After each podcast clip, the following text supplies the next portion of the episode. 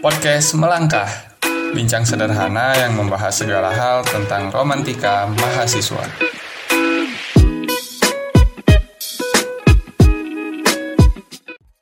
Nah, balik lagi bareng gua Firman Fauzan di podcast Melangkah. Pernah gak sih kalian sebagai orang Sunda ketika kuliah di Jawa, eh, maksud gua Semarang, maaf. Itu tiba-tiba ada orang yang nawarin makan dengan bahasa man, dahar. Dan gua gitu dan atau lu semua itu terbakar gitu pikirannya karena dahar itu artinya adalah makan tapi bahasa paling kasar di bahasa Sunda. Sementara di Jawa itu adalah bahasa paling halus untuk makan. Atau pernah gak sih buat kalian orang di luar Jawa seperti orang Medan, ketika kalian ngobrol pertama kali dengan orang-orang di sini dengan logat kalian yang lantang, dengan intonasi suara kalian yang sangat keras, itu dianggap tidak sopan. Dan itu adalah bahasan yang ingin coba kita angkat. Bahasan yang selama ini menjadi buah bibir eh, seso- eh, tiap orang tetapi sangat jarang diangkat ke permukaan. Bahasan tabu yang ingin kita coba sih, kenapa ini bisa terjadi. Dan di sini gue gak sendiri, gue ditemanin sama dua orang temen gue. Disclaimer, kita akan membahas dalam sudut pandang orang Sunda.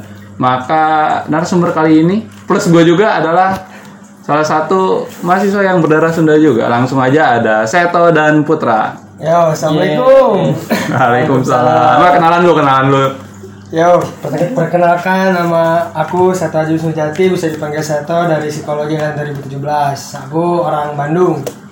Dan juga punya jabatan yang cukup Waduh, tinggi di nggak fakultasnya ya. Pak. Nggak usah ya. Gak usah, gak usah, gak usah. Kalian ini satu lagi siapa? Eh Sampurasun. eh pakai bahasa Indonesia aja ya. Nama aku Putra Istanov. Aku eh, dari Kuningan Jawa Barat. Jurusan Public Relations Undip angkatan 17. Diploma 3 ya berarti OTW terakhir sekarang. Amin, Dan amin. kita doakan lulus secepatnya. Amin. Tepat waktu. Ya, tepat waktu dan Penganut pada waktunya. pengaruh pada waktunya. Oke lah. Nah, teman-teman, ini cukup menarik nih ya kalau kita bahas masalah ya katakanlah geger budaya. Ya gak sih bisa dikatakan geger budaya. Pak Geger. Geger, eh, geger budaya. gue dulu waktu pertama kali ke sini, intro itu adalah pengalaman gue. Dan masih banyak sih pengalaman yang lain seperti gue gak bisa cocok dengan makanan. Gue juga kesel ketika orang ngomong gedang sama dengan pisang. Wah bagi kita gedang itu pepaya ya gak sih? Dan itu salah satu cerita eh, geger gue. Tapi teman-teman gue ini pasti punya cerita yang berbeda. Ya, ya kan pernah gak sih ngerasain geger kayak gini? Ya, gua sendiri pernah. Jangan gua lah ya. Ini kan kita sama-sama orang Sunda ya. Berapa ya, aneh orang, lah. orang, orang. Ih, kan, kan gue mah ini Sunda agak ini. Gua Ke Sunda- Bogor Bogor soalnya. Sunda Jabodetabek. Betawi. Heeh. Keluarga gue Bagus, aing mah Bandung, Bandung tuh Nah, lah. Nah. oke. Tulen nih ya. Ya berarti pertama cerita awalnya cerita awal mun kurang sendiri eh, geger budaya jelas lah gitu. Waktu pertama ke Semarang emang yang per- yang gua alamin yang aing namanya yang aing alamin itu eh, sendiri. Karena aing di sini sendiri banget gitu. Nggak ada teman nggak ada dari satu SMA atau dari sebandung yang aing kenal. Jadinya aing sendiri pisan di sini ta. terus eh, kebetulan nih eh, aing juga bingung gitu mau ngobrol sama siapa pakai bahasa Sunda kan itu biasanya juga kan jarang gitu pakai bahasa Indonesia. Kayak eh kamu teh mau ke mana gitu atau kamu aku aduh jarang banget gitu. Biasanya kan ke mana-mana ah mesario bare naon atau enggak orang orang rek dia orang rek cabut gitu. Jadi kan bingung nih. Aduh mau ngomong ke tukang penjual takutnya masa ngomongnya A sih gitu. A- atau mas ya atau mas. Mas juga nggak biasa gitu. Biasanya kan kalau nggak A K Kang. gitu. kebetulan depan kosan Burjo depan Heeh. kosan Aing Burjo. Jadi ya eh, obrolan pertama nih sama Burjo Aing ngomong bahasa Sunda. Wah nyaman pisan apalagi waktu itu Persib Persib kena main dan itu bikin Aing langsung langsung ah udah sobat lah sama Burjona gitu Nah, nonton bareng ngomong kasar bareng gitu kan mau ke kebobolan atau enggak wasitnya terbalik kita ngomong kasar woi wasitnya ah gitu kan biasa Heeh. aja. orang Sunda mah lah sana nah emang pertama kali yang aing bingung teh waktu di kampus di kampus kan emang dominasi di sini kan memang orang daerah gitu Iya.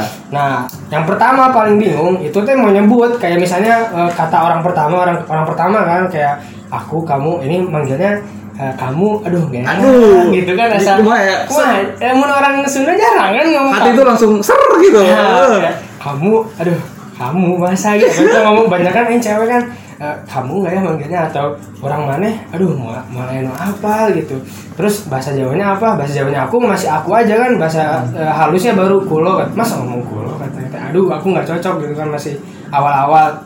Ya udah awal-awal aku kamu dulu nih aku kamu. Kalau pernah ngobrol tuh kalau aku mah ini emang agak-agak gimana ya? Buat ngomong bahasa Indonesia yang halus yang yang ba- baku gitu ya. Agak agak nggak biasa gitu kayak aku mah aku orangnya sih biasa aja atau aku orangnya gini biasa kan kayak ah mau naik mah cabut cabut weh hayu gitu. Hayu ke mana hayu? gitu. Ya kan aku mau mau mau makan mau makan dulu ayo mau ikut nggak? Kamu mau ikut nggak? Kamu lagi kan kamu mau ikut gitu sih nggak? gitu.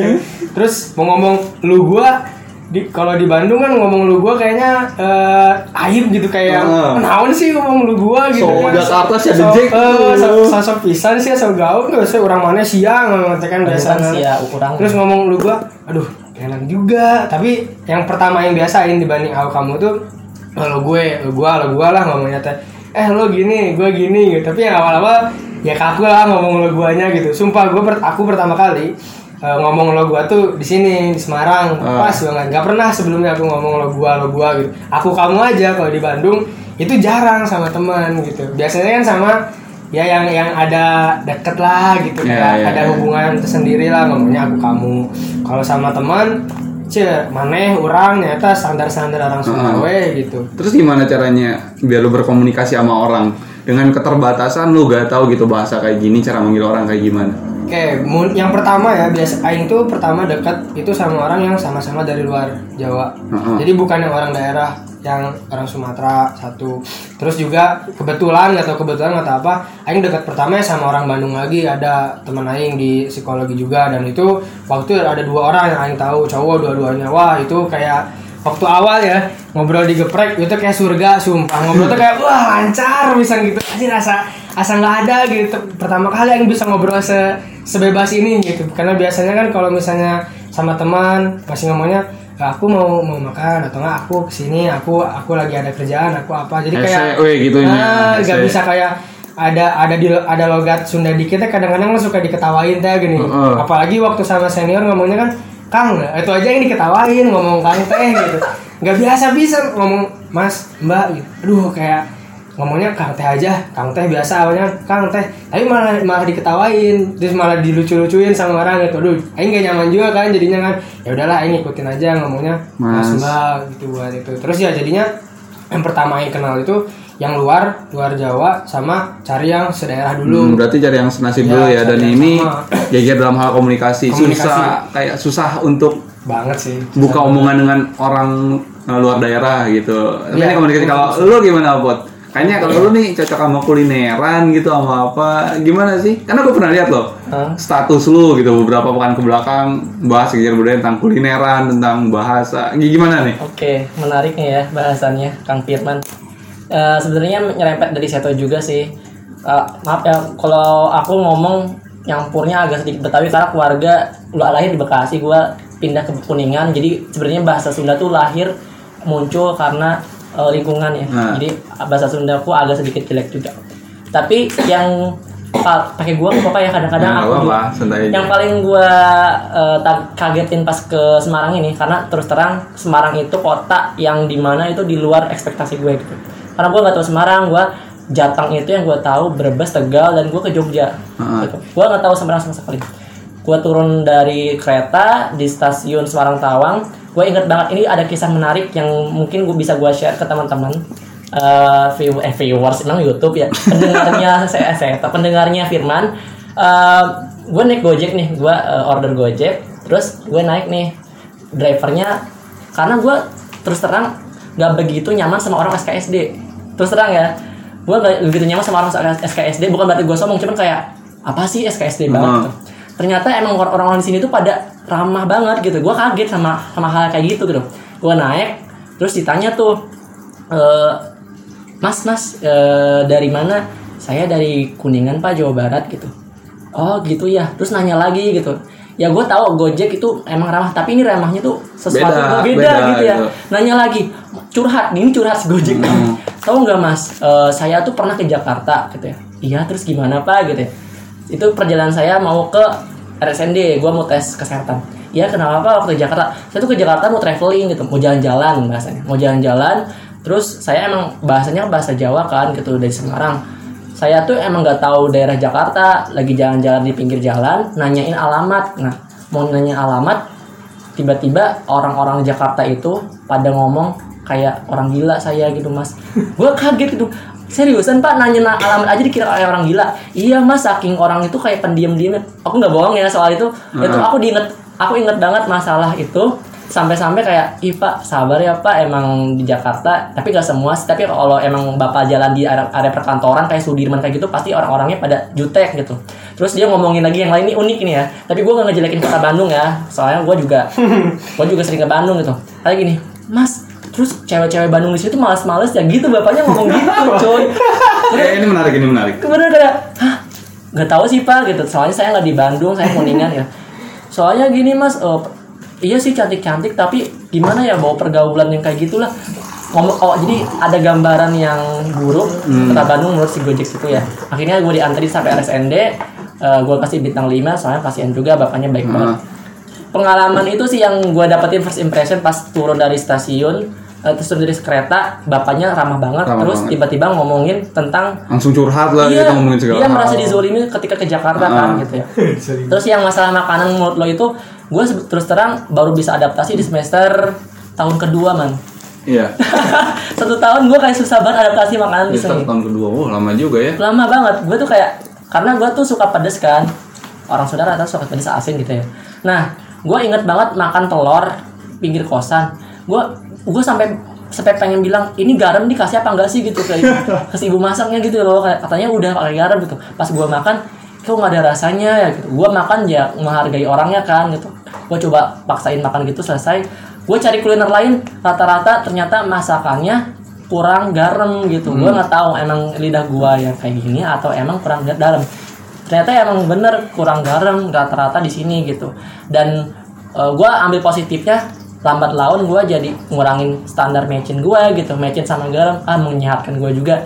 Cuman imbasnya buruk juga sih man. Gue jadi suka manis sekarang. Iya. tadinya gue nggak suka manis banget ya karena dilebokin. What is the meaning lebok Di lembok di Dicekokin. Ah, dicekokin. Ah. Pak beli oti eh nyebut merek apa apa Pak beli ayam goreng atau apa? Gue nggak minta es teh nih ya. Tapi nih karena teman-teman gue beli es teh tiba-tiba gue ke, ke apa keikutan beli es teh Iya. juga. Akhirnya gue dikasih es teh. Kok pas minum kok eh, tehnya enak banget gitu manis banget.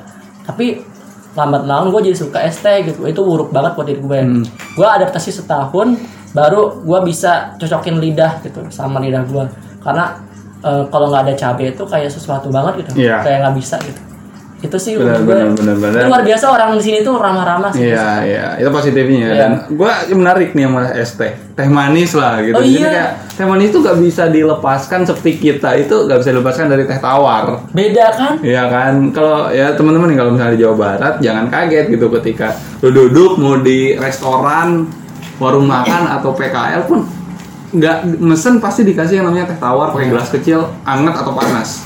Nggak usah protes itu gratis kok.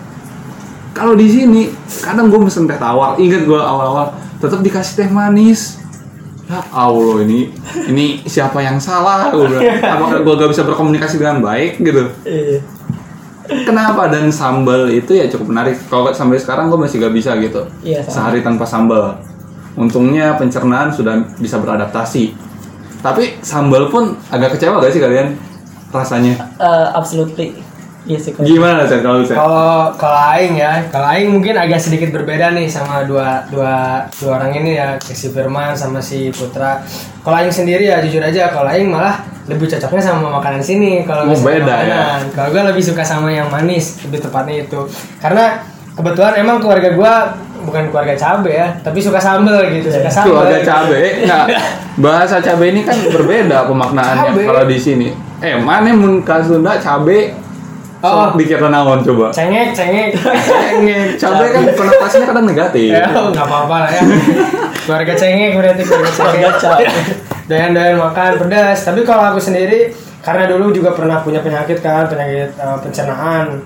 Jadinya emang mengurangi yang pedas-pedas. Dan aku sendiri pun sampai sekarang jadi terbiasanya nggak terlalu suka pedas. Makanya kalau urusan makanan mungkin eh, Putra lebih lebih ngerasa beda ya. Kalau aku lebih di tehnya. Emang bener kalau emang di Sunda emang kan tehnya tawar tuh. Tawar. Aing juga sebenarnya kalau masalah kalau masalah teh lebih enak tawar daripada manis. Aing nggak suka dan malah eh, setiap makan itu nggak pernah minta teh manis. Dan kalau di OT pun nggak ngambil teh manisnya Hmm. karena ya menurut aku ya ke- kemanisan buat makan dan nggak cocok gitu makan Mm-mm. makan teh manis gitu kan Iya. udah enak teh tawar lah Geus mah haraneut ya, anget banget di Sunda mah teh tawarnya. Nah, Iya, di sini tuh disajikan dingin atau enggak biasa gitu. dan dinginnya kadang over dan kalau manisnya pun over gitu Iya. gimana ya habis minum teh manis es teh manis itu jadi asem tenggorokan tuh kadang rasa kayak gitu ya dan sambal ya itu beda ya eh, lidah tiap orang kalau menurut gua sambal di sini nggak terlalu kaya lah rasanya kayak di tempat gua gitu dan kalian lalap gimana kalian Nah, lalap ini ini kan suatu hal yang bumi dan langit lah iya itu. hampir seperti bumi dan langit gitu. gimana gimana Mas Putra dulu nah Putra dulu. Orangnya. Jadi ku- kumahanya, ara- kalau di rumah gue ya, mama sendiri kalau misalkan pagi masak itu pasti nyediain daun singkong, terus eh, serawung, tahu nggak serawung? Ya, serawung. serawung. Terus, terus ada lagi kayak daun apa, gue lupa. Pokoknya di rumah tuh yang metik aja kayak gitu. Itu lengkap banget sama kacambah dan sebagainya. Hmm. Nah, lalaban-lalaban gitu tuh nggak pernah ditinggalin bahkan di di aku mah ya di sekitar rumah itu ada tukang lo, karedok dan sebagainya ya mudah banget ditemuin gitu ya tapi kalau di sini gua tuh ya makanan yang berbentuk rujak-rujak gitu eh, lagi-lagi harus beradaptasi ya ya sudah tahu ya kan gue bilang gue tuh agak susah sama makanan tapi kalau sama sifat orang gue gampang. Kalau makanan susah banget. Gue inget man waktu be- beli namanya apa ya man Eh, mie kocok telur atau apa gue lupa. Itu bukan rujak tapi kayak pedes kayak ada rujaknya. Mie kocok telur apa gue lupa. Itu yang kerasa tuh bukan pedes cabai man tapi bawang putih. Dan eh, it means gue kayak aduh maksud gue kayak kok putih? Bawang putih terlalu banyak gitu. Gue kayak Ya. sensasinya lebih banyak bawang putih itu nggak enak di mood gue Iya. gitu tapi menurut orang-orang sekitar itu enak. Akhirnya gue oke nggak apa-apa deh mungkin ini tradisi makanan otentik sini gue cobain. Dan emang e, pertama-tama gue nganggap kayaknya makanan di sini lebih banyak e, apa bawang putihnya ya. Gue gue diketawain tuh sama teman-teman gue kayak enggak lah gitu ya. Itu mah emang kayak gitu bahannya kayak gitu. Tapi emang kalau gue lihat lumpia dan sebagainya itu emang enggak banyak. nggak cuma bawang putih doang. Nah itu mungkin pers- eh, perspektif pertama gue gitu tentang makanan yang ada sayur-sayurnya. Tapi kembali lagi eh, kalau segi prefer ya, gue ngerasa ketika di sini gue bisa lebih dewasa apa ya berhadapan sama makanan gitu ya. Gue mencoba buat kayak oh positively karena dengan seperti ini gue jadi bisa tahu gitu kalau di Indonesia itu kulinernya luar biasa banget gitu ya. Gue juga dari situ kan bisa eh, memahami secara sejarahnya juga. Nanti mungkin teman-teman bisa, bisa cari sendiri ya kenapa kok bisa manis-manis di Sunda bisa pedas-pedas mulutnya juga pedas-pedas di Sunda ah pada ngegosip gak jelas gitu. ya gue gak bisa memungkiri Nggak itu bisa sih memungkiri itu. gue gak bisa memungkiri itu sih Iya. Tapi lu tahu gak sih yang itu apa sih Eh, SS? SS Ya. Lu tahu nggak itu tempat makan yang Sunda banget menurut gue di sini. setuju Sambalnya emang sambal kayak rasa kayak rasa kayak mama gue kalau masak pagi. Ah. Nah, gua kalau misalkan kangen mama itu ke SS. Walaupun harganya agak mahal ya, tapi enak lah segitu. Ya, tapi ini bukan promosi atau Bukan promosi ya. dari orang sana tiba-tiba ngesponsorin gua alhamdulillah. Boleh, boleh lah gitu boleh ya. Eh, kalau gimana nih, San? sama sih aku aku baru mulai nge nih perbedaan sambelnya nih ya antara antara emang yang eh, di daerah sini daerah Jawa dan di Sunda ya emang bener buat teman-teman aku juga ngerasain nih variasi rasa sambelnya emang beda aku juga sebenarnya walaupun nggak terlalu suka sambel tapi aku tuh lebih suka sambal yang ke arahnya sambal tomat yang ada bawangnya juga jadi kayak asam pedesnya itu dapat gitu di sini tuh lebih didominasi sama kalau pedes pedes doang gitu pedes Iya, doang. ada sih. terus ya nggak ada rasa lain selain pedes gitu makanya Iya, aku iya. sendiri kayak ngerasanya Duh ini mah pedes banget nggak nggak kurang kurang juga gitu nggak bisa dinikmatin sehahnya itu juga seha yang cuma pedas nah nagih. bukan yang seha yang eh gitu enak lah kan beda ya rasa-rasa pedesnya gitu. Dan bener juga nih kalau misalnya makanan yang paling in sama daerah sendiri nih di di Bandung atau di Sunda ya emang itu SS itu gitu. Iya, jadi ya. sambalnya banyak. Terus gimana ya feelnya tuh kerasa kayak makan ada lalap lalapnya juga ada kan lalapnya. Terus bisa eh, banyak milih lah mau sambal bawang sambal tomat atau apa pun itu gitu. walaupun emang eh, belum sevariasi di Sunda juga yang kayak kan banyak kan yang sambal cobek sambal apa Sambal lunca.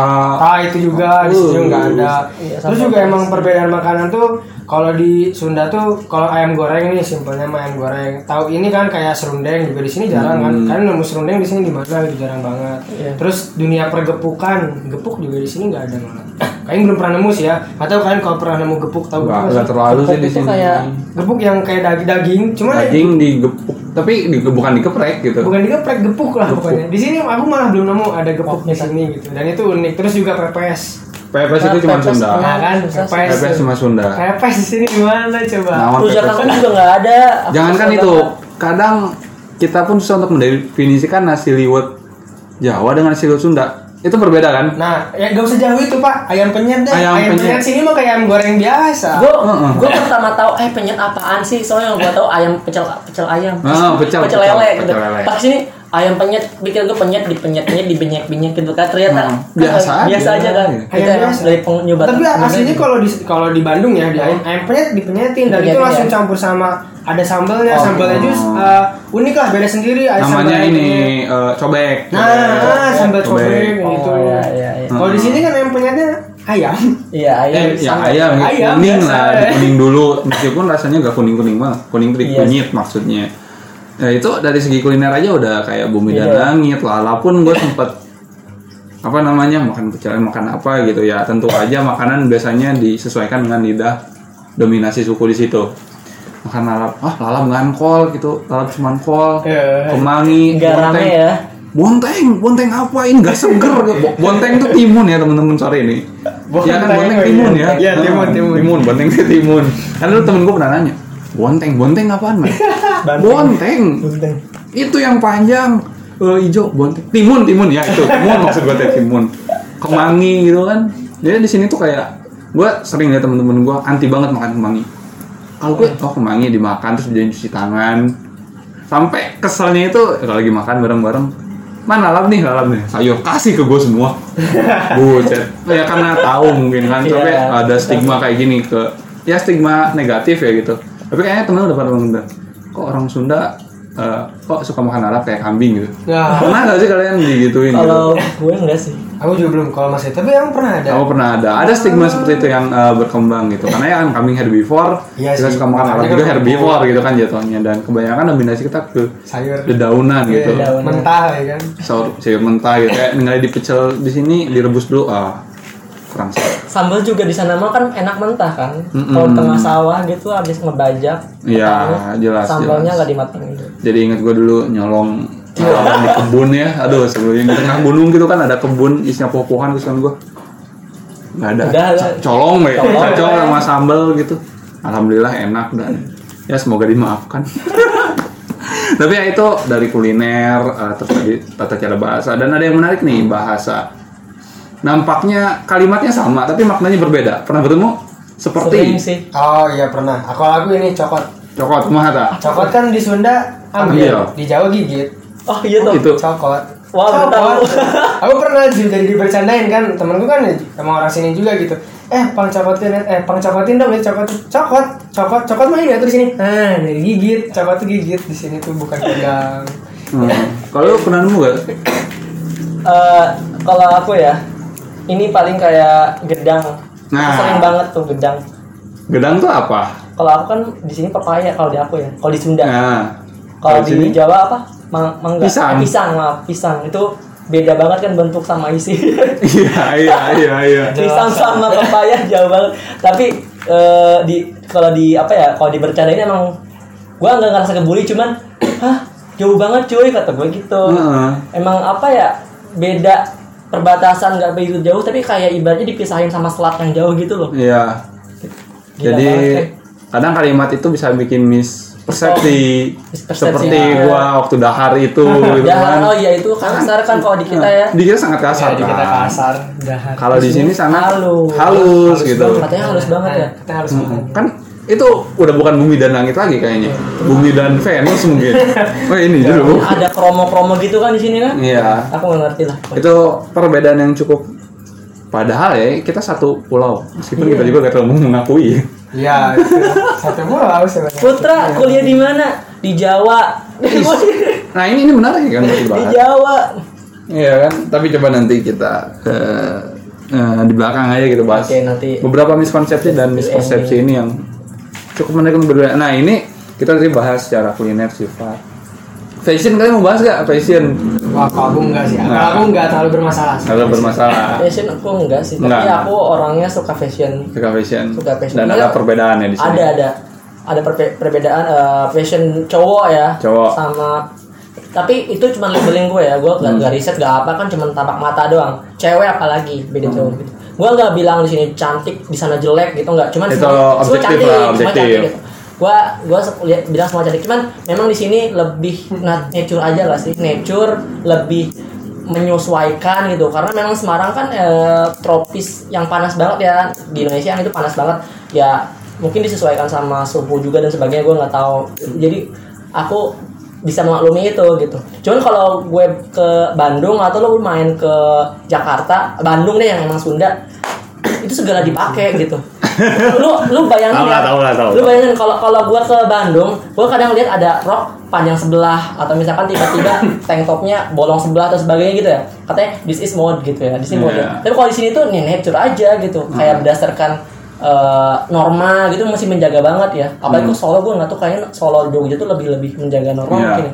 itu gua kaget banget gitu pernah ke ODM sih per- pas ODM eh, kan teman-teman gue yang ke Unpad banyak ya di sekolah Ah.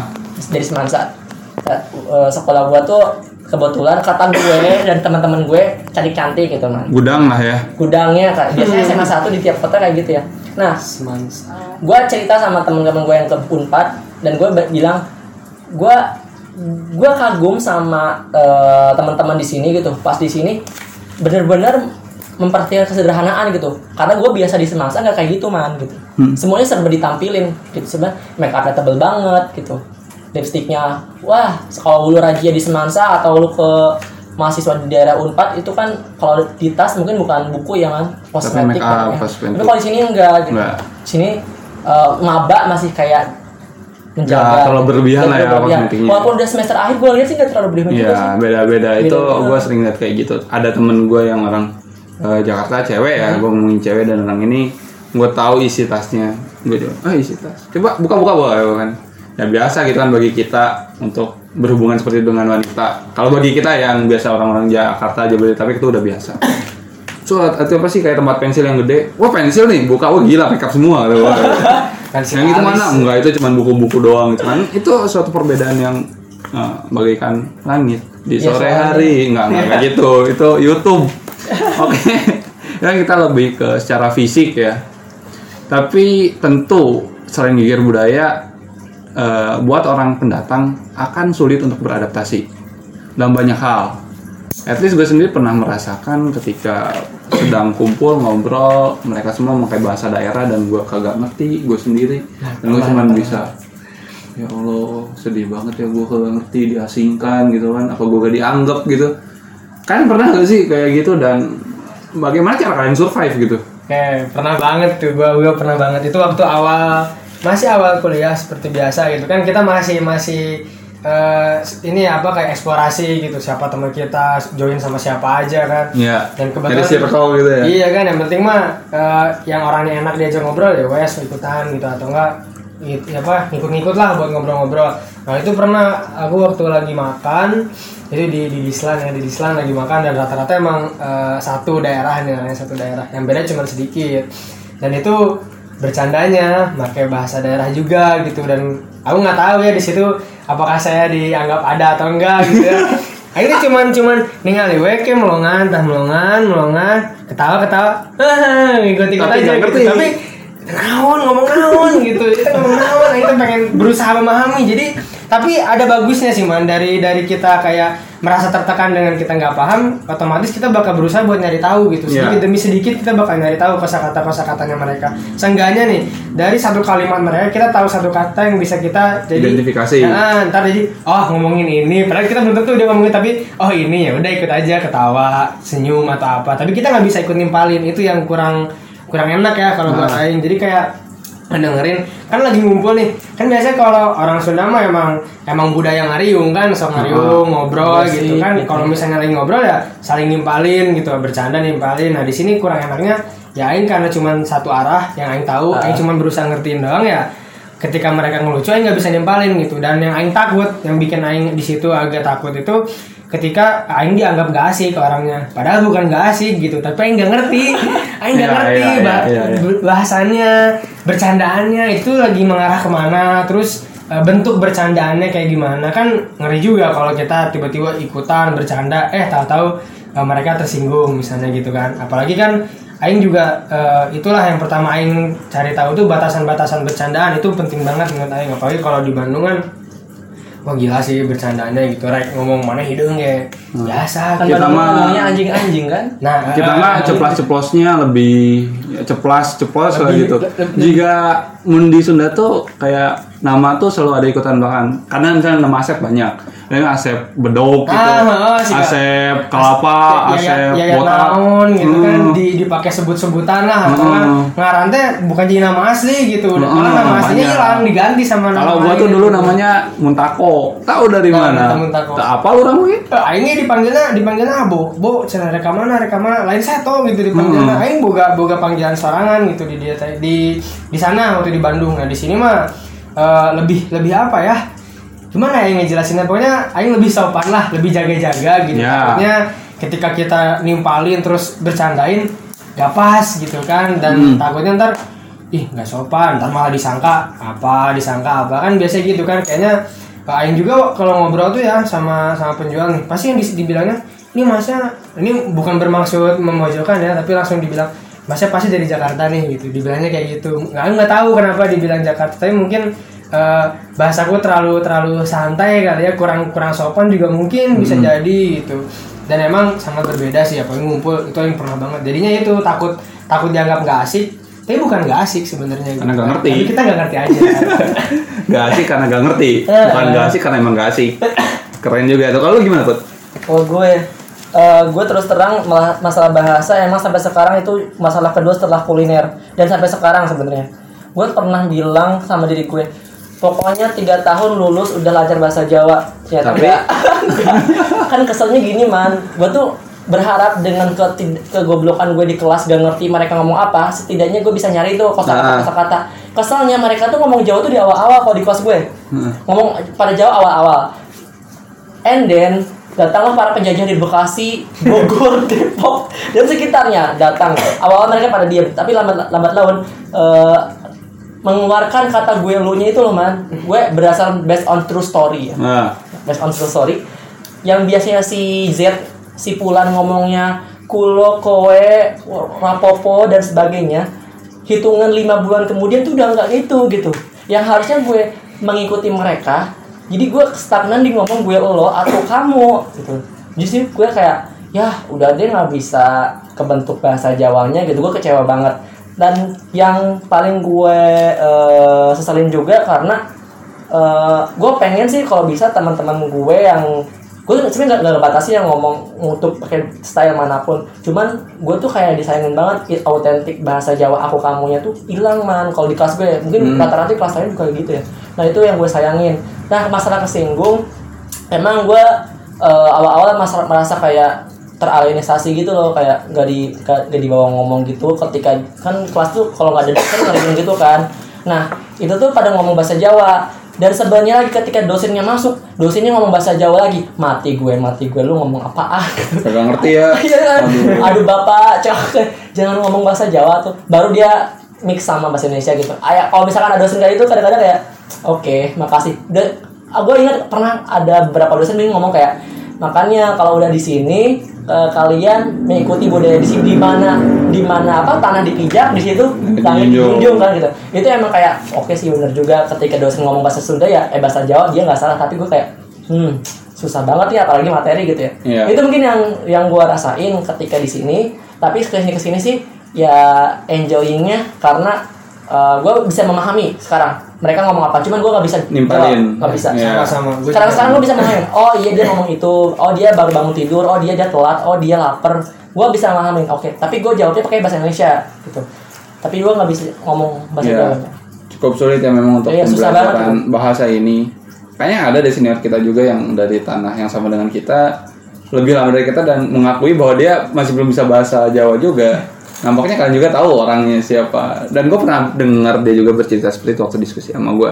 Memang bahasa ini kadang bahasa itu kan identitas, ya sih. Kayak lu orang luar nggak usah deh ikut-ikutan bahasa kita karena identitas kita ya udah berbeda. Kecuali bahasa Inggris beda mungkin. Tapi di bahasa Inggris kan ada logat-logatnya yang nggak semua orang bisa menguasai. Ya kadang gue pun me- apa ya melihat dan mendengar justru orang luar Sunda katakanlah pulau lain gitu itu kadang mereka lebih cepat menguasai bahasa Jawa dibanding kita kita Iya. Iya, i- Iya gak sih? Orang Sunda entah kenapa kayak kita tuh gimana sentimennya tuh ada aja besar banget ya sama kayak mungkin air dan minyak ingin Jawa. bersatu tapi sangat susah Kita tuh gak boleh sebut orang Jawa aja. ya itu kan sentimen. banget sih sama orang Jawa. Ah. Gue Jawa juga. iya nyampe temu eh, itu tuh pada dari Kalimantan tapi kenapa bisa lebih cepat gitu ya, iya juga ya gue mikir tapi kok kayak gue susah susah masuk gitu kayak selalu ada penolakan tersendiri meskipun ada yang nyantol kayak se itu gue nyantol lah Saya itu saya yang menyantol. kayak kalian tahu kan lu kalau ngechat suka ada se se nya kan kadang gitu. sama sama Sekon. Heeh, itu kadang nyantol gitu. Se- se. Dan identitas segala itu berhubungan dengan sifat. Tapi tadi saya tuh ngomong jaga-jaga gitu. Jaga-jaga kan sifat. Nah, ini mungkin agak sedikit eh, seksi untuk dibahas sifat. Karena nggak semua orang berani ngangkat ini sifat. Di kita itu meskipun sukunya banyak, tapi hal, -hal seperti ini masih jarang di apa ya dicari sudut pandang yang berbeda sehingga kita cenderung apa eh, pandangan kita itu itu aja kacamata kuda gitu. Masih kayak gitu. Sifat nih apakah kalian menemukan perbedaan sifat? Antara ya dua suku ini lah nah, Sunda Jawa. Dan at least kita ngomongin eh, negatif dan positifnya ya. Dan disclaimer lagi teman-teman ini dalam sudut pandang kami Iya, orang ini Sunda sudut pandang kita nggak masuk Iya. rasis dan apa pun ya. gimana Mas Put main dulu lah Heeh. Apa gue ya. Em, lagi-lagi ya, kan gue ngawali dengan sifat ya ya. sama orang sini.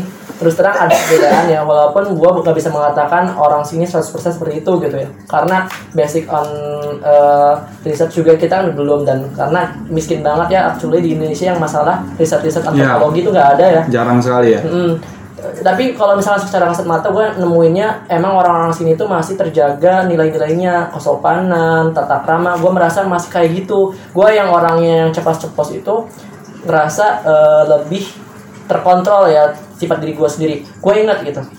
Di- bahkan antara Semarang sama Solo sendiri yang masih satu provinsi dia udah beda lagi gitu. Dia kayak udah ada klasifikasi gitu loh Semarang. Solo itu kayak naik lagi loh sifatnya, tata kramanya gitu ya. Lebih-lebih lah. Lebih-lebih lagi etos kerjanya. Ya. Gue inget waktu zamannya gue masih SMP lah kalau nggak salah. Eh, kan uak gue itu punya suami orang Jawa. Nah, dia ngomong katanya kalau orang Jawa itu pekerja keras deh, orang Jawa itu orang-orangnya eh, gak mau kalah dan sebagainya. Lihat tuh orang-orang Jawa pada menguasain saham, eh, bisnis dan sebagainya gitu ya. Gue eh, kayak tertanam gitu loh gitu. Ketika gue masuk SMA, SMA masuk Undip, terus guru-guru gue tahu gue masuk Undip, mereka tuh ngomong gini man katanya, bagus kamu sekolahnya di Jawa deh, katanya. di Jawa pun soalnya di Jawa pun dijamin kamu akan mendapatkan pendidikan eh, apa sifat ah, pendidikan akhlak Karakter, moral yang baik, karakter. ya karakter yang baik gitu, karena kalau kita lihat kayak UGM, eh, UNS, bahkan uni-uni favorit itu banyaknya di Jawa man, yang mengangkat emang yang melahirkan orang-orang besar gitu. Berkarakter. Jadi iya emang jadi jadi apa ya labeling ke orang-orang Sunda dan sebagainya tuh kayak orang-orang yang melahirkan tokoh-tokoh besar tuh di situ gitu. Akhirnya gua ke Undip, emangnya bener gak ya orang-orang kayak gitu? Eh, pas gue ke sini nggak membuktikan banget sih, cuman pas gue ODM gitu ya, mereka tuh untuk ngobrol atau apa tuh pertama-tama kayak ada eh, sisi sopan santunnya, permisi dan sebagainya. Terus gue ingat kalau di Semarang mah nggak boleh ya masih boleh kalau naik motor tengah malam nyalain mesin. Gue ingat teman gue cerita orang Jogja kalau kamu ke Jogja pun tuh lebih lebih sopan lagi. Kalau misalkan lewat jam 9 malam itu ada di suatu komplek di Jogja lu harus matiin motornya dan lu dorong motornya. Iya. itu Jogja tuh kayaknya tingkatnya lebih dewa lagi iya. ini ya. Semarang tuh masih sopan tapi Jawa sebelah selatan lebih lebih lagi. Menurut gue itu dari sifat Terus dari lan apa ya orang Jawa tuh kurang apa kurang lentur sih orangnya. Jadi kayak gue takutnya baperan. Eh, menurut gue ya jadi kurang eh, les- kurang lentur. Orang Sunda tuh kayak lentur banget kalau buat ke sana ke sini gitu. Ya. lentur bener gak sih? Jadi kayak easy going bahasa sekarang yang easy mungkin. going ya itu juga. Terus surahnya nggak jelas gitu orang Sunda. Heeh. kalau orang Jawa tuh kayak maaf sedikit saklek menurut gue apa-apa kayak Ya. sedikit saklek ada bercandanya tapi Saklek. kayak nggak bisa dipercandain banget gitu yang ada nanti Oh, bawa iya. emosi gua berdasarkan yang gue temuin ya orang-orang gue temuin gitu jadi eh, kalau bener kata teman gue sih saya tahu gitu kalau dalam bercanda atau apa di sini Batasannya tuh batasannya ada. gitu Heeh. emang Nggak bener banget seenaknya. Iya, gue pernah dimarahin sama orang tua di masjid kampus. Undip. Karena salah ucapan. Hmm. Gue hampir mau ditonjok. Gak bohong. Itu waktu RDU gitu. Heeh. Itu sebenarnya ada bat apa ya kesalahan ko- miskomunikasi gitu. Gue ngomongnya agak sedikit Ngegas. ngegas dan itu ngomong buat temen gue di depan. Jadi ceritanya gue mau, mau, eh, bantuin ini buka puasa. Si bapak-bapak itu datang gitu ya. Bapak itu gak salah menurut gue. Bapak itu cuman apa? Mendengar. Salah paham doang. Gue bilang ke teman gue, gue kalau ngomong ke orang, teman kalau lagi bercanda ngomongnya bapak, pak bu gitu. Eh pak pak minum aja airnya nih buat temen gue. Minum aja airnya ini, soalnya ayamnya habis. Minum aja nih, minum minum airnya. Bapaknya apa coba? Maksud kamu apa? Nyuruh saya minum air yang kos eh, kosong ayamnya gitu. Gue langsung dikejar, mau ditonjok kan. Pak maaf pak maaf, ini salah paham gitu. Jadi di situ kan kita bisa lihat kan bukannya apa apa ya gue kayak ih baperan banget sih pak kata gue gitu tapi udah maafan gitu Iya, nah iya, gue itu iya. jadi pelajaran buat gue Pelajaran ya. pelajaran gue trauma bukan trauma sama orang Jawa bapak-bapak ya Nah. tapi kalau misalkan ketemu Cara berkomunikasinya itu Iya. harus lebih dijaga. kalau ketemu orang Jawa bapak-bapak agak kumisan gue tuh sedikit agak Tahu. masalah itu Iya, iya, iya. Fix eh, emang ya seperti itulah. Gimana kalau lihat? ya mungkin bisa dibilang mirip-mirip ya dan le- yang lebih apa ya jadi pokok masalah di sini lebih ke perbedaan eh, takaran sopan santunnya sih Yes. takaran sopan santunnya karena emang gimana ya aku ini deh juga sama sih pengalaman aku juga pernah bermasalah waktu itu waktu lagi mau nanya jalan mau nanya jalan aku Sama dari motor di motor nih di motor nanya Betul. pak saya mau nanya tanya Belum "Kalau- dimatiin mesinnya. Gak dimatiin ya, dan masih di motor, masih di motor. Iya. Pas saya mau nanya kalau gor ini di mana ya Pak? "Eh, di sana. Dia kan nggak jelas di sana, sana tuh di mana gitu kan? Eh, di sana tuh nanti belok mana belok mana ya Pak? Eh, udah belok di sana, sini dibilang belok kanan terus ke situlah pokoknya. Terus aku nanya sekali lagi, langsung dibentak dong katanya. Mas kalau mau nanya tuh kamu matiin mesin turun dari motor, katanya. Turun dulu katanya. Oh iya Pak, maaf Pak, maaf Pak. Baru dimatiin. Ini aku jujur aja ya, karena biasanya di daerahku di daerahku pun kalau mau nanya ya Nanya aja. nanya aja gitu. Oh ya, ah punten up- upaminya di mana, misalnya di mana ja- jalan ini di mana gitu. Gak usah dimatiin mesin, gak usah harus diparkir dulu turun baru nanya gitu kan. Kalau di sini aku nggak tahu ya apakah ini bisa digeneralisir atau enggak, tapi waktu itu waktu aku nanya itu dimarahin dan disuruh eh, matiin mesin turun nggak boleh kamu nanya pas di motor gitu kan itu salah satu hal yang bikin aku wah gila nih di sini ini sopan santun banget atau Iya, iya. kok kok beda gitu kan? Aku ngerasa banget gapnya tuh setelah di situ gitu sopan santun terus juga eh, sebenarnya ya kita tuh pengen gitu bisa berbaur sama eh, sama orang daerah sini lah istilahnya sama eh, satu pulau walaupun eh, beda lah istilahnya. Jawa Jawa tapi kita kan beda suku gitu kan. Nah tapi kadang-kadang juga nih ya ini mungkin juga bisa jadi eh, bahan belajar bersama gitu ketika kita belajar dan mau nyobain nih ngomong-ngomong bahasa Jawa tuh kan diketawain. Nah, diketawain tuh kan salah satu bentuk eh, bikin kita sakit hati juga dong gitu kayak Iya. "Ih, kayak tuh mau belajar dong di Tapi sini gitu. tapi kok malah dibicarain ini?" dibecandain gitu malah di diketawain gitu kan. Dan kita juga bingung kan, ini tuh sebenarnya bercanda atau serius gitu loh. Nah, Heeh. balik lagi kan ngebedain takaran sopan santunnya, bercandanya tuh kayak gimana sih gitu. Aku jujur aja loh, tiga tahun di sini aku masih belum berani, masih Untuk- belum berani eh, bercanda lepas. Iya. Bercanda aku tuh mas- masih mikir lah istilahnya, harus mikir dulu baru bercanda kalau di sini.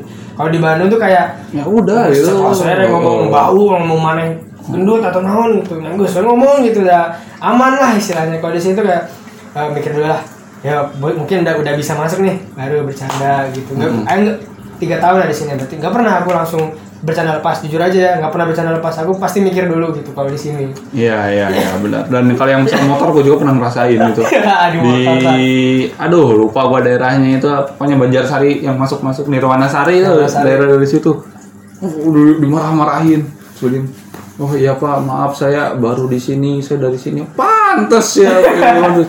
ya emang kan itu. Ya pak maaf Pak, karena memang udah berbeda gitu. Bahkan ya ini ini menarik. Gue pernah jadi pelerai gitu kan di antara temen gue yang orang eh, Sulawesi Bugis dengan yang orang Jawa di Maskam juga. Nah ininya. Nah temen gue itu kan orang timur cenderung intonasinya sangat tinggi ya? tinggi ya tinggi. Jadi sebenarnya ngomong gitu kan ke tukang parkir karena salah ini. Tapi dia ngomong pakai intonasi tinggi gitu. Tapi buat dia itu biasa. Itu mengamuk gitu jam tak saya pak pak maaf pak. Sebelumnya pak memang teman saya ini salah pak. Tapi dia salah bukan karena sengaja dia emang masih baru di sini dan intonasi daerahnya masih ke bawah. Masih belum bisa halus pak. Maaf pak maaf maaf pak. Iya gitu. Temen gua kan nggak terima gitu. Dah maaf maaf maafin aja maafin aja gitu kan. Itu menarik untuk dibahas. Kalau gue sih keres tuh sering ya kalau gue kalau gue tapi eh, ada aja memang gue kalau ketemu orang baru cenderung terima dulu aja gitu. Lihat-lihat dulu aja jangan langsung ceplas-ceplos. Kalau di sana mah itu masalah lah ceplos-ceplos mah. Nah, gitu kan. Kalau di sini enggak. Dan sifat ini ya kita pasti temukan di dinamika ormawa organisasi kampus. Ya gak sih? Kayak di ormawa tuh meskipun nggak kelihatan geng-gengnya tuh ada. Iya iya. Ya kan? Geng Jakarta ya. geng Jawa Barat geng Jawa. Ya gak sih? Kalian merasakan nggak sih di ormawa ya ya kan kalau saya tahu nih udah petinggi nih salah satu petinggi gitu. Gue gak menyebutkan instansi eh, jabatannya tapi petinggi lah. Kalau aing ya di Armawa ya eh, sejauh ini gua alhamdulillah nih udah udah bisa gitu menyesuaikan. Emang di awal tuh sangat sangat susah gitu untuk bisa eh, menyesuaikan dengan lingkungan di sini gitu. Yang biasanya kan ya gimana ya kalau di daerah aing gitu kan waktu wak- entah ini entah beda SMA atau kuliah atau apa tapi lebih dominan sambil sambil here lah istilahnya sambil hahihi. Kalau di sini kan emang kita sebagai uh, minoritas juga kan nggak banyak gitu dan bahasa pun perlu disesuaikan. Dan kita juga nggak tahu cara berkomunikasi dengan seniornya itu loh dengan cuttingnya. Aku kan cukup bermasalah di awal yang tadi aku bilang uh, manggil kang teh mas mbak itu sangat sangat tidak biasa manggil mas mbak gitu di sini tuh kayak mas mbak tuh kayak bukan buat bukan buat senior tapi kayak ada keluarga lah mungkin makanya agak mas gitu manggil mas mbak ini ke senior manggilnya mas mas eh, Aku gak kepikiran dulu manggilnya kak gitu. Kalau orang Jabodetabek biasanya kak manggilnya langsung langsung kak gitu. Jarang mas mbak gitu. Kalau aku ngikut mas mbak aja udahlah gitu manggilnya. Di Ormawa tuh kalau aku ya lebih susahnya ketika berkomunikasi dengan eh, jajaran birokrasinya. Birokrasi kan rata-rata eh, orang sini dong gitu. Bahasa basinya cukup Iya. tinggi. Dan nggak bisa aku basa basi sama Iya. sama orang yang beda eh, daerahnya gitu. Nah itu yang bikin aku tuh pengen mempelajari gitu. Pengen bisa ketika datang eh, ngomong bahasa Jawa Kromo gitu loh. Kayak biar bisa lebih diterima kan itu jelas lah misalnya kalau kamu bisa bahasa sopan ke orang-orang birokrasi istilahnya ya itu bakal lebih bisa diterima daripada kamu "Ah, selamat pagi pak saya mau minta ini jadi kita juga mau mau bahasa basi tuh aduh eh, enak gak ya? Gitu pakai bahasa biasa-biasa gitu. Aku juga kalau pakai bahasa Indonesia biasa pun ya nggak masalah. Cuman kan kita lebih luas kalau pakai eh, yang biasa kita pakai yang biasa kita pakai. Ini kan udah puluhan tahun puluhan tahun. Mungkin lebih dari 10 tahun kan biasanya Puluhan bercanda- tahun.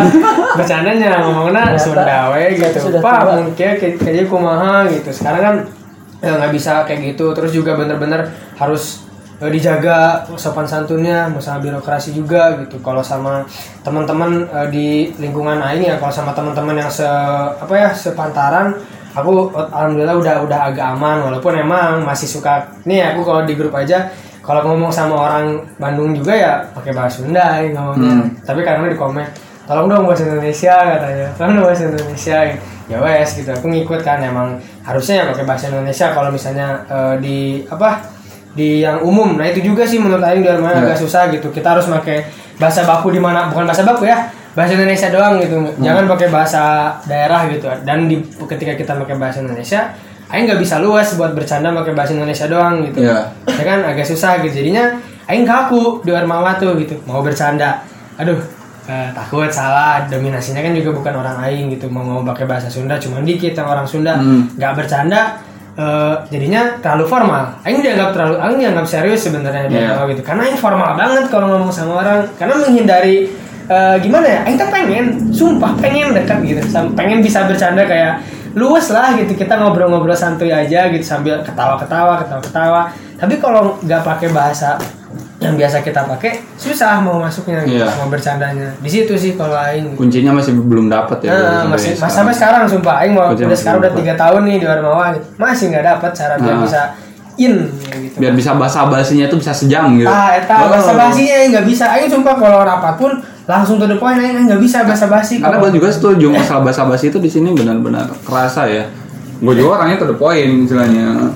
Apa eh, rumput gitu ada ah rumput rapat ada masalah. Ini masalahnya kayak gini penyebabnya ini. Sekarang solusinya gimana? Bengong semua kayak gini. Apa nggak ada basa-basi dulu kayak apa kayak? Sampai ini di komen sama temen-temen nggak nggak bisa gitu caranya. Kita harus apa dulu kayak apa dulu kayak jangan langsung to the point. Ya, gue nggak bisa to the point gue bilang ngomong gini. Ya tapi lu tuh jadi pemimpin di bawah lu itu bukan orang lu doang gitu. Iya, gitu. Oh, dari situ gue udah mulai tersadar gitu dengan gue gak bisa langsung ceplos-ceplos kan kalau dengan orang baru sekarang gue udah mulai nih agak uh, basa-basi. Beda kalau dengan orang-orang sedaerah mah lebih gampang lah. Nah kalau lu gimana tuh gue gue justru suka orang baru. Hmm. gue eh, apa ya em, tipe orang yang gue mendefinisikan gue ekstrovert banget nih. Hmm. termasuk ketemu orang baru gue selalu mencoba ingin tahu bagaimana orang itu berkomunikasi gitu. Ketika gue masuk ormawa di undip eh, awal-awal gue masuk ormawa itu di BMSP ya di internshipnya gitu itu BMSP itu gue inget banget banyak banget orang-orang dari berbagai provinsi pulau di Indonesia apalagi orang Jawanya banyak banget gitu ya Nah, yang gue perhatikan, yang gue perhatikan adalah bagaimana teman-teman gue ini bisa saling menutupi eh, sifat-sifatnya yang asli untuk bisa berbaur. Nah, gue gue juga coba kayak gitu. Makanya menurut gue sendiri ketika saat itu eh, justru gue melihat eh, meminimalisir perbedaan gitu.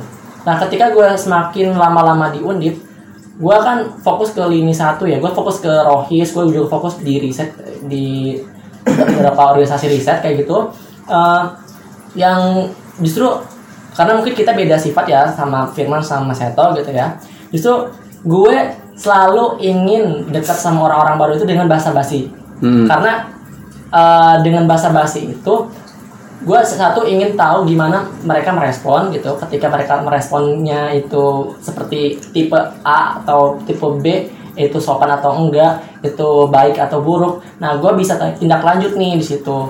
Termasuk misalkan gue punya peran di organisasi itu gue bisa jaga-jaga gimana gue menghadapi orang itu gimana gue eh, menimpal komunikasinya kayak gitu. Kemudian eh, gue sendiri memang eh, sangat terbuka sekali gitu orangnya gitu. Makanya ketika masuk organisasi bukan berarti gue pengen eksis ya di organisasi Ya. itu atau di kelas ya. Tapi gue selalu mencoba uh, untuk kenal petinggi-petingginya. Walaupun gue bukan orang organisasi itu iya misalkan di BEM atau misalkan di Rohis ya. Gue harus dekat sama petinggi-petingginya. Gue harus dekat sama ini nih gak tahu kenapa gue kayak ada sesuatu yang senang aja. Eh kenal sama ketua BEM ketua sama bisa komunikasi gitu. Jadi gue bisa ini bisa benar-benar masuk ke mereka kayak gitu sejauh ini gue nggak ada masalah untuk masalah ko- Hmm. eh, komunikasi walaupun terus terang gue lagi-lagi menyayangkan ketika eh, komunikasinya tidak dalam bahasa Jawa kayak gitu gue nggak bisa membentuk Hmm. kebiasaan itu like jadi terkait sifat-sifat di Ormawa memang ya itu sangat itu kembali sulit. ke orang masing-masing kembali orang ke masing-masing orang ya. Masing-masing orang. Tapi memang sangat sulit ketika orang yang bukan mayoritas yang bukan dominan ya, Ya, ya. itu memimpin dalam organisasi. Tapi itu tapi kalian gimana ya? Gue sekarang melihat cenderung itu malah orang-orang luar daerah iya. itu yang memegang tampuk eh, bahasanya terlalu tinggi tampuk kekuasaan. Yang maksudnya menjadi orang penting gitu. Orang yang sering memberikan solusi dan sebagainya. Tapi menurut kalian ini ada kaitannya gak sih dengan ya sifat-sifat itu? Ya kan? Kayak gua sering lihat eh, misalkan orang Jakarta orang apa. Kalau mereka mau berpendapat langsung aja ah ini salah. Iya. Mikir itu menyinggung belakangan. Bener Ya, emang gua kayak gitu kadang-kadang Memang kan? gitu. Heeh. rata-rata orang Jakarta. Kalian merasa ada ada ada ya ada hal seperti itu? Ya kalau aing sih ya balik lagi ke tadi ya mungkin kenapa lebih banyak eh, atau mungkin lebih diambil orang-orang yang eh, satu daerah gitu ya mereka tuh ya lebih bisa berkomunikasi. Yang pertama bisa komunikasi. Yang kedua dia bisa diterima. Apalagi ya tadi sebenarnya menurutku ya organisasi itu salah satu poin pentingnya dia bisa menjalin hubungan dengan stakeholder terkait atau enggak eh, dengan lembaga-lembaga penting yang memegang kebijakan langsung gitu kayak dekanat atau birokrasi rektorat dan yang didominasi oleh rata-rata ya orang-orang daerah juga gitu kan. Kalau misalnya bukan orang daerah ya mungkin agak sulit buat bisa memahami gitu memahami kayak sebenarnya mereka tuh maunya seperti apa? Atau gimana sih cara bisa dapat hatinya nih? Kan yang penting dapat hatinya bos. Mau kalau buat sama petinggi-petinggi lah istilahnya gitu. Sedangkan kita menurutku ya kayak balik lagi tadi gitu udah mau kita mau ngobrol santai juga. Ya saya Ya, susah gitu kan. Mau pakai bahasa daerah eh, Susah juga. susah juga. Udah tiga tahun juga kita belajar kayak ngomong eh, masih di komen gitu kan. Ih nggak gitu ngomongnya gitu kan. Jadinya kita eh, jadi gak pede gitu mau nyoba-nyoba pakai bahasa daerah orang gitu kan. Jadinya kayak "Ya udahlah pakai bahasa Indonesia weh. Yang penting mah ketika mereka ngomong kita bisa ngerti ngomongnya udah pakai bahasa Indonesia aja kita bales gitu istilahnya gitu. Dan itu sangat berpengaruh sih menurut Aiman kalau masalah rata-rata pimpinan misalnya emang rata-rata orang orang daerah ya kayak nggak usah jauh sih kalau misalnya kalian ada kormat kormat tuh apa ya koordinator mata kuliah gitu loh kayak ke- ketua kelas itu juga yang diambil biasanya ya yang gampang ya orang-orang daerah yang gampang in sama dosen yang bisa yang bisa ngerangkul banget dan bisa dekat banget sama dosen biasanya orang-orang daerahnya dulu sih itu kalau menurut aku. Hmm, hmm, hmm. Kalau menurut lu gimana, Pak? Hmm, lagi-lagi kita sedikit berbeda dengan jurusan gue ya. Kalau di sana gue emang orang Jawa Semarang tuh paling banyak sebenarnya orang Semarang. Tapi eh karena mungkin karena bener Firman pernah bilang tadi orang sini pada diem-diem. Iya. Ya gue ngerasa kayak gitu. Jadi ketika ada pendapat kenapa nggak ngomong gitu? Ya ngomongnya tuh orang Jakarta, orang Bandung, Aing, orang Kuningan gitu ya. Terus kan pemilihan eh koor, koor mata kuliah. Salah satunya gue jadi koor mata kuliah ya di beberapa mata kuliah gitu. Dan beberapa mata kuliah lain itu bukan orang Semarangnya gitu. Karena ketika mau ko- komunikasi sama dosen eh yang gue perhatiin gue dan teman-teman lain yang jadi kormat itu mereka bisa ngambil hati dosennya gitu. Dengan bahasa sebaik mungkin menggunakan bahasa Indonesia biasanya kayak gitu. Makanya eh tapi gue nggak menutup kemungkinan orang-orang Semarang orang-orang sekitar Semarang juga itu punya apa ya eh, pengaruh yang besar di, di, di jurusan ataupun di U- U- Ormawa gitu ya tapi sejauh ini memang gue lihat sampai ketua BEM aja tau gue dari luar Semarang kayak gitu ya ketua BEM Undip dari beberapa tahun ke Iya belakang kalau sekarang rata-rata luar dari Luar luar ya? Sekarang dominasi tahu gue ya dominasi dari luar. luar kan? jadi mereka tuh gue mungkin mungkin ya yang yang dari luar itu emang di sini juga sekolah terbaik tapi di sana itu sekolah yang lebih baik banget masuk sini Mm-mm. pikiran gue gitu gue mikirnya gini gue gue pengen banget ke UI nih gue pengen ke UI gak masuk. Gue pengen ke Unpad gak masuk. Gue pengen ke ITB FSRD gak masuk. Nah eh, substitusinya kan dapat undip.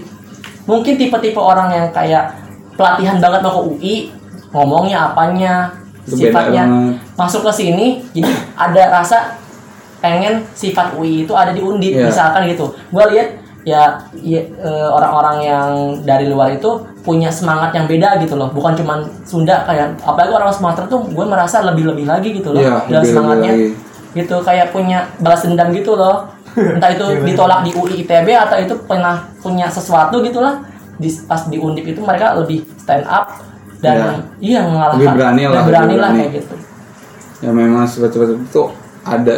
Gue sendiri ya sering merasakannya dan kayak gampang banget loh ngejudge sifat orang dari cara dia berpendapat dan sebagainya. Diamnya dia jujur ya gue tuh untuk menerka sifat temen-temen gue yang orang sini ya sini tuh ya orang sini lah intinya itu butuh waktu yang sangat lama tapi bagi mereka untuk menerka sifat gue itu sangat singkat Wah, itu- Firman nih berpendapat orangnya berarti kayak gini.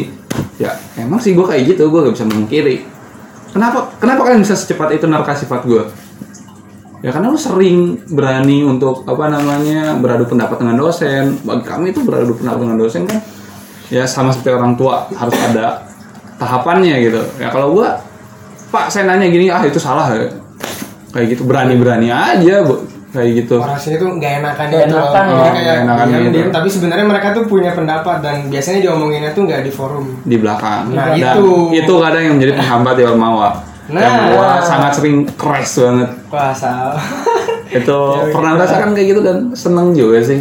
Kalau gue jujur aja ya, gue butuh setahun buat bener-bener bisa memahami dinamika forum orang ini ya di lingkungan gue sendiri gitu. Hmm. Makanya gue bener-bener di tahun pertama tuh sangat-sangat nggak pernah ngomong apa-apa gitu. Kalau mungkin kalau Firman langsung dari awal Ya. langsung jeder gitu. Kalau Aing lihat dulu, maksudnya ketika kita jadi orang yang banyak ngomong, apa sih yang orang Hmm. orang pikirin gitu. Dan ternyata kan kalau di Aing ya, saya, saya pernah kepan Aing selama ini gitu. Yang banyak ngomong tuh malah dianggapnya So. so ah iya So. so, caper gitu naon sih apa sih gitu dia apa sih apa sih karena ya orang-orang eh, rata-rata tuh kayak dia terus ngomong juga ya ngomongnya biasa gitu kan nggak ngomong gebu-gebu atau apa nah itu yang bi- bikin kita kurang kurang bisa apa ya kurang bisa intens lah masalah hubungan gitu apalagi Iya. pas di depan enggak kok nggak apa-apa ya Padahal mah- gue tahu-tahu di belakangnya ih tadi nih sini tuh nah itu Hmm. gitu. Aku tuh paling gak suka sama yang orang ngomongnya tuh nggak di forum gitu. Aku dulu juga pernah waktu SMA tuh ngomongnya bisik-bisik gitu. aku langsung bentak kamu berani ngomong langsung sini gitu. Langsung di sini ngomongnya nggak usah pelan-pelan gitu ngomong tuh. Nggak nggak nggak enak gitu kan. Kalau mau ngomong ya udah langsung gitu. Yo selesaiin bareng-bareng. Jangan malah eh, di belakang Semua nyebar- orang nyebarin tahu, ke ya, orang, semua tapi malah nggak selesai sama kita gitu. Iya. Malah jadi mereka banyak orang yang anggap kita buruk padahal kita belum berha- belum bisa apa ya konfirmasi sebenarnya kita nggak gitu-gitu juga Oh. gitu Masa nyampe harus masuk klarifikasinya Deddy Corbuzier kan iya nggak mungkin masa kan? masuk podcast Iya. Dedi Ya kayak gitu lah. Lo lo ada yang kayak gini juga gak sih, Put? Hmm, Nggak terlalu mungkin ya. Gak terlalu sih. Eh, karena eh, orang-orang di kelas gue kebanyakan ngomong orang Nah, harus ngomong. Jadi gue, oke gue ngomong, yang lain juga ngomong gitu. ah, Dan dengan sifat-sifat yang berbeda gitu. iya. Sifat-sifat- menarik juga sih tadi kata Seto itu kayak kelihatan banget antara Wi dan sebagainya gitu. Eh, Seto apa? Lu ya gue lupa Gue. tadi. Dan ya kayaknya kita udah bisa tahu lah ya. Misalkan kita undip UI, tau lah siapa yang paling sering lantang me, UI, meinikan pemerintah University karena ya. UI Jakarta orang-orangnya lebih berani berpendapat karena Jakarta keras juga kalau gua kalau lu gak bertindak hancur gitu kan itu bahkan ya dari luaran kampusnya kita udah bisa kelihatan lah. Yang benar-benar siapa yang sering berani berpendapat dan siapa yang adem ayem aja gitu. Ya itu menarik juga ya. Budaya bahkan bisa mempengaruhi image kampus itu dan image mahasiswanya. Tapi UGM sekarang menguasai ya itu beda lagi sih ceritanya. Nah itu kan terkait ormawa dan sebagainya dan bahkan dari semua pergaulan kita baik di ormawa atau bersosial dengan eh, penduduk sekitar kosan itu kadang selalu timbul yang namanya stigma-stigma negatif udah agak asing bagi gue man kenapa sih eh, orang Sunda gak boleh nikah sama orang Jawa hah kaget gue di gue tuh orang Sunda gak boleh nikah sama orang Jawa juga loh Hmm. Man kenapa sih cewek Sunda pedit? Ah, pedit apa ya? Pelit. Pelit, matre, males. Ah, masa sih gitu? Masa sih? Pernah gak sih kalian merasakan stigma-stigma negatif kayak gitu? pernah dengar sih kalau Aing cuman kalau Aing sendiri ya Aing bisa matahin karena keluarga Aing bapak bapak Jawa ibu Sunda Hmm. dan Ya, aman-aman namanya aja. Seto kan. Seto itu Jawa. Iya. Seto. Nama, eh bapak bapak gua orang Jawa, ibu Aing orang Sunda gitu dan aku nggak melihat ada bilang ibu saya pemalas gitu. malah malah kayak di keluarga itu yang mendominasi ibu Aing lebih mendominasi gitu daripada bapak bapak Aing yang orang Jawa. Kalau misalnya ntar ada biasanya orang, orang Jawa berarti kan yang bilang orang Sunda pelit. Apalagi tadi orang Bandung pemalas gitu kan. Ibu Aing enggak gitu. Itu enggak semua. Dan berarti kan sebenarnya walaupun ini cuma satu sampel dari banyaknya sampel dan kita juga nggak tahu sampel mana sih yang bilang orang. Sunda tuh cewek-ceweknya pemalas atau apa. Ya ini satu sampel nyata yang orang tua Aing sendiri ya ibu Aing nggak pemalas gitu. dan keluarga Aing lancar-lancar aja Ya, gitu, dan aman-aman aja. iya. Kadang kita ini juga ya kenapa sih stigma negatif itu bisa muncul?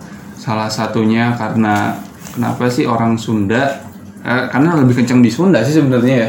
Eh, gak boleh nikah sama Jawa tuh daripada di Jawa. Sunda itu paling kencang ya. Gue bisa mengatakan itu karena keluarga gue full. Sunda. Pure blood, eh, pure blood. Ya, Pure Kalau Harry. Potter kan Iya, yang pure membedakan Nomage sama orang asli itu Nomage itu ma- apa sih magel. ya magal Iya kan magel itu pure blood. Nah, gue itu gue Sunda semua. Wah, Aing magal Ja- jangan sampai gitu kan. Nggak, memang nggak disarankan. Kenapa sih itu bisa timbul gitu?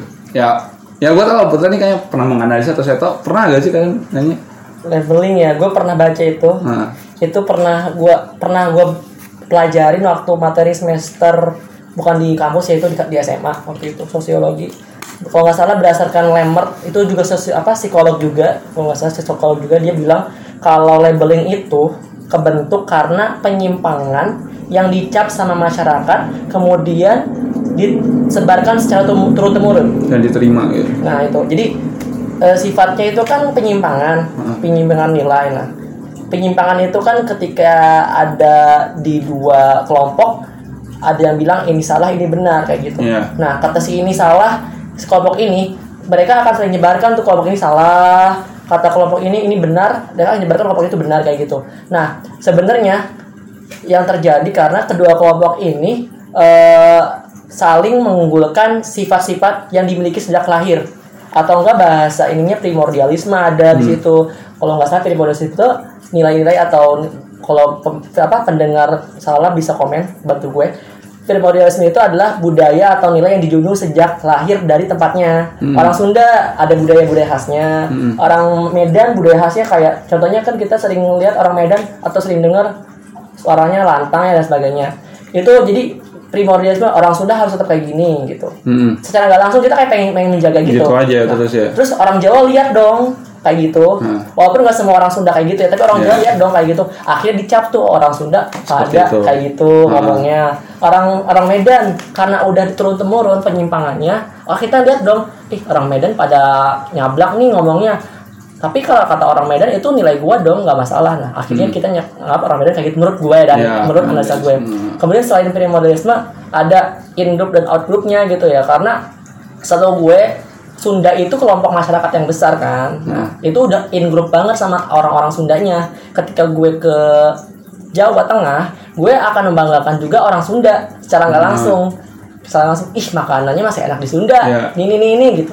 Itu udah ada in groupnya. Ketika gue lihat adanya apa eh, perbedaan sama diri gue gue langsung bilang wah ternyata orang Jawa itu pada nggak bisa masak. Langsung labeling gue buruk. Akhirnya orang-orang Sunda yang banyak itu yang menganggap masakannya nggak enak ngomong buruk semua kayak gitu itu menurut gue Oh iya iya. dan itu juga gue nggak tahu ya kalau secara psikologis karena yang yang nyetusinnya lemot orang psikolog ya tapi itu pernah ada di teori sosiologi juga kayak gitu itu menurut gue sih Sip. Dan kita juga bisa narik dari mungkin eh, peristiwa historisnya ya gak sih? Kayak misalnya tadi gue contohin kenapa sih orang Sunda gak Iya, sama ada Jawa? sih Alasannya Perang bubat. Perang bubat. Ya, ya? mungkin teman-teman bisa cari lah perang bubat itu Iya, bagi iya. kami. Nggak bagi kami ya, bagi sebagian orang Sunda itu ya terkait harga diri lah.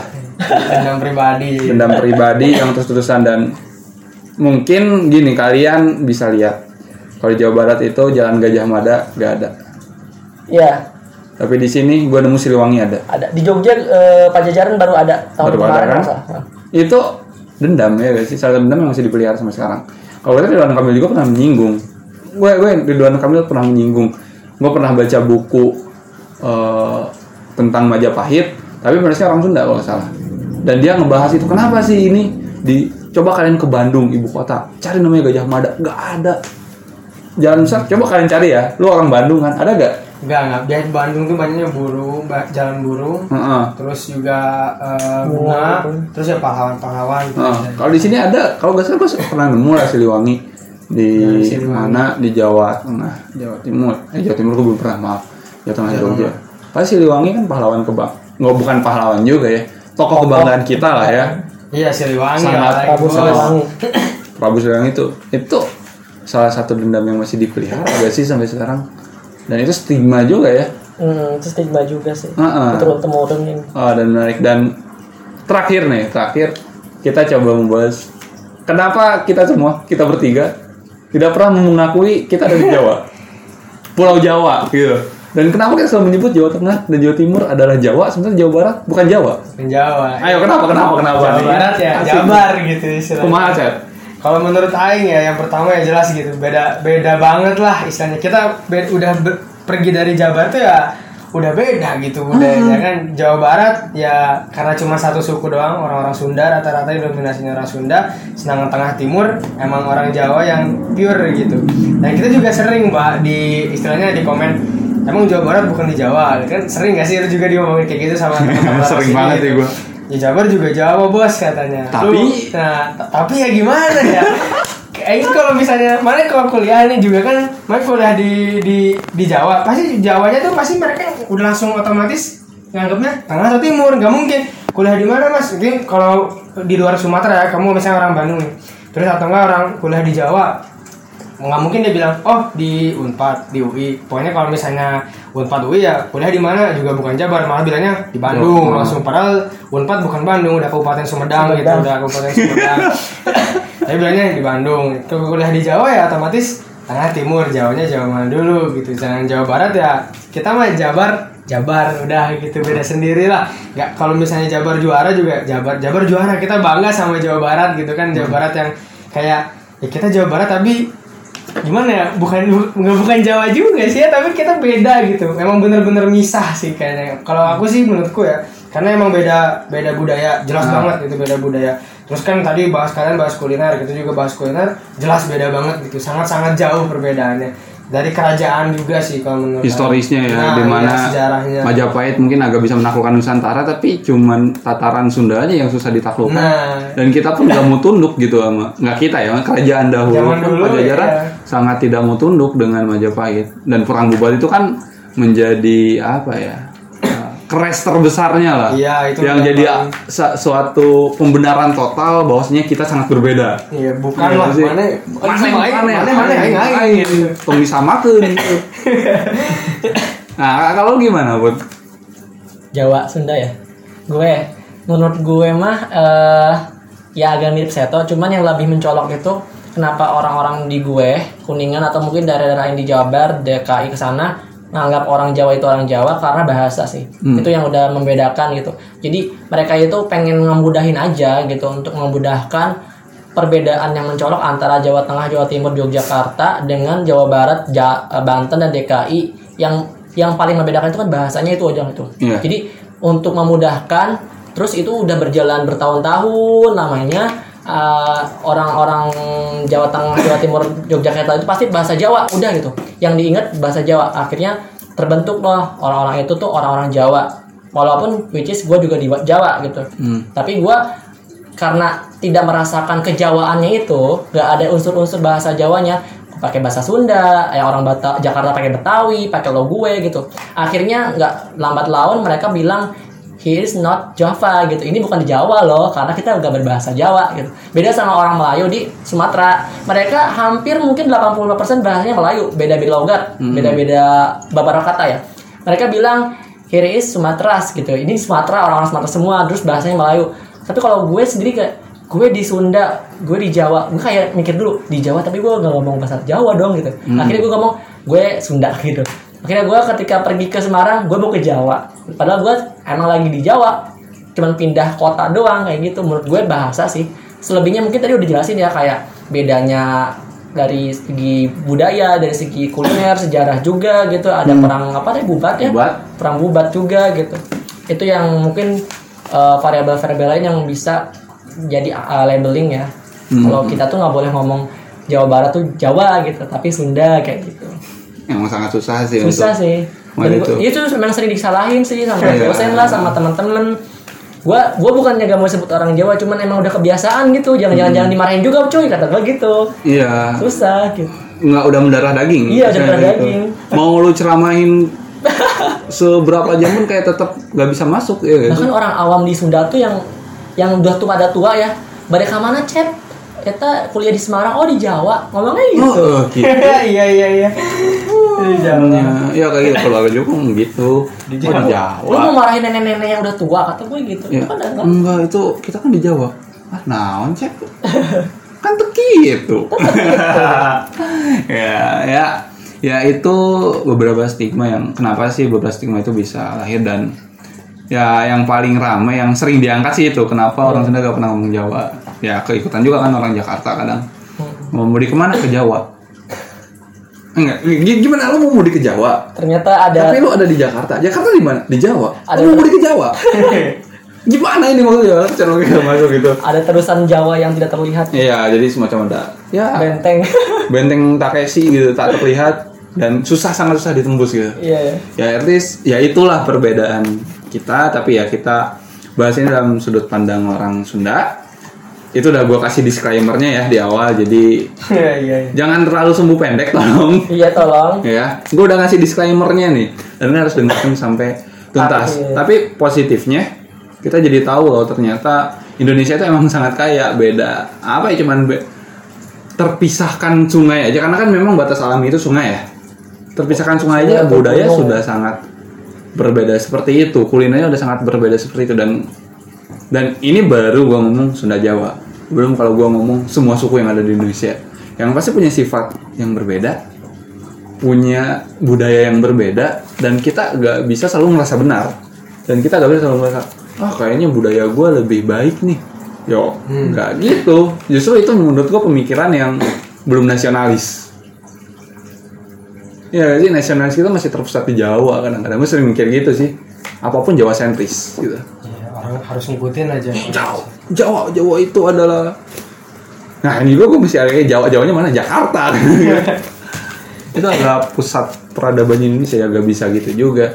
Ya buat teman-teman semua ya cobalah cari positifnya. Karena balik lagi kita di Indonesia dengan beratus-ratus suku yang berbeda Tentu dengan budaya yang berbeda Jadi jangan terlalu sering merasa superior gitu.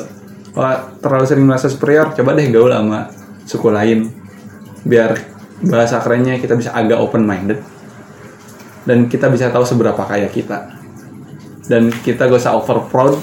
Kalau cuman ada bule yang ngomong artis kalian yang ngomong bahasa Indonesia terus di like gitu. Jadi buat kalian juga yang podcast harusnya harus proud gitu dengan perbedaan ini. Dan share sebanyak-banyaknya gak nyambung sih penutupannya.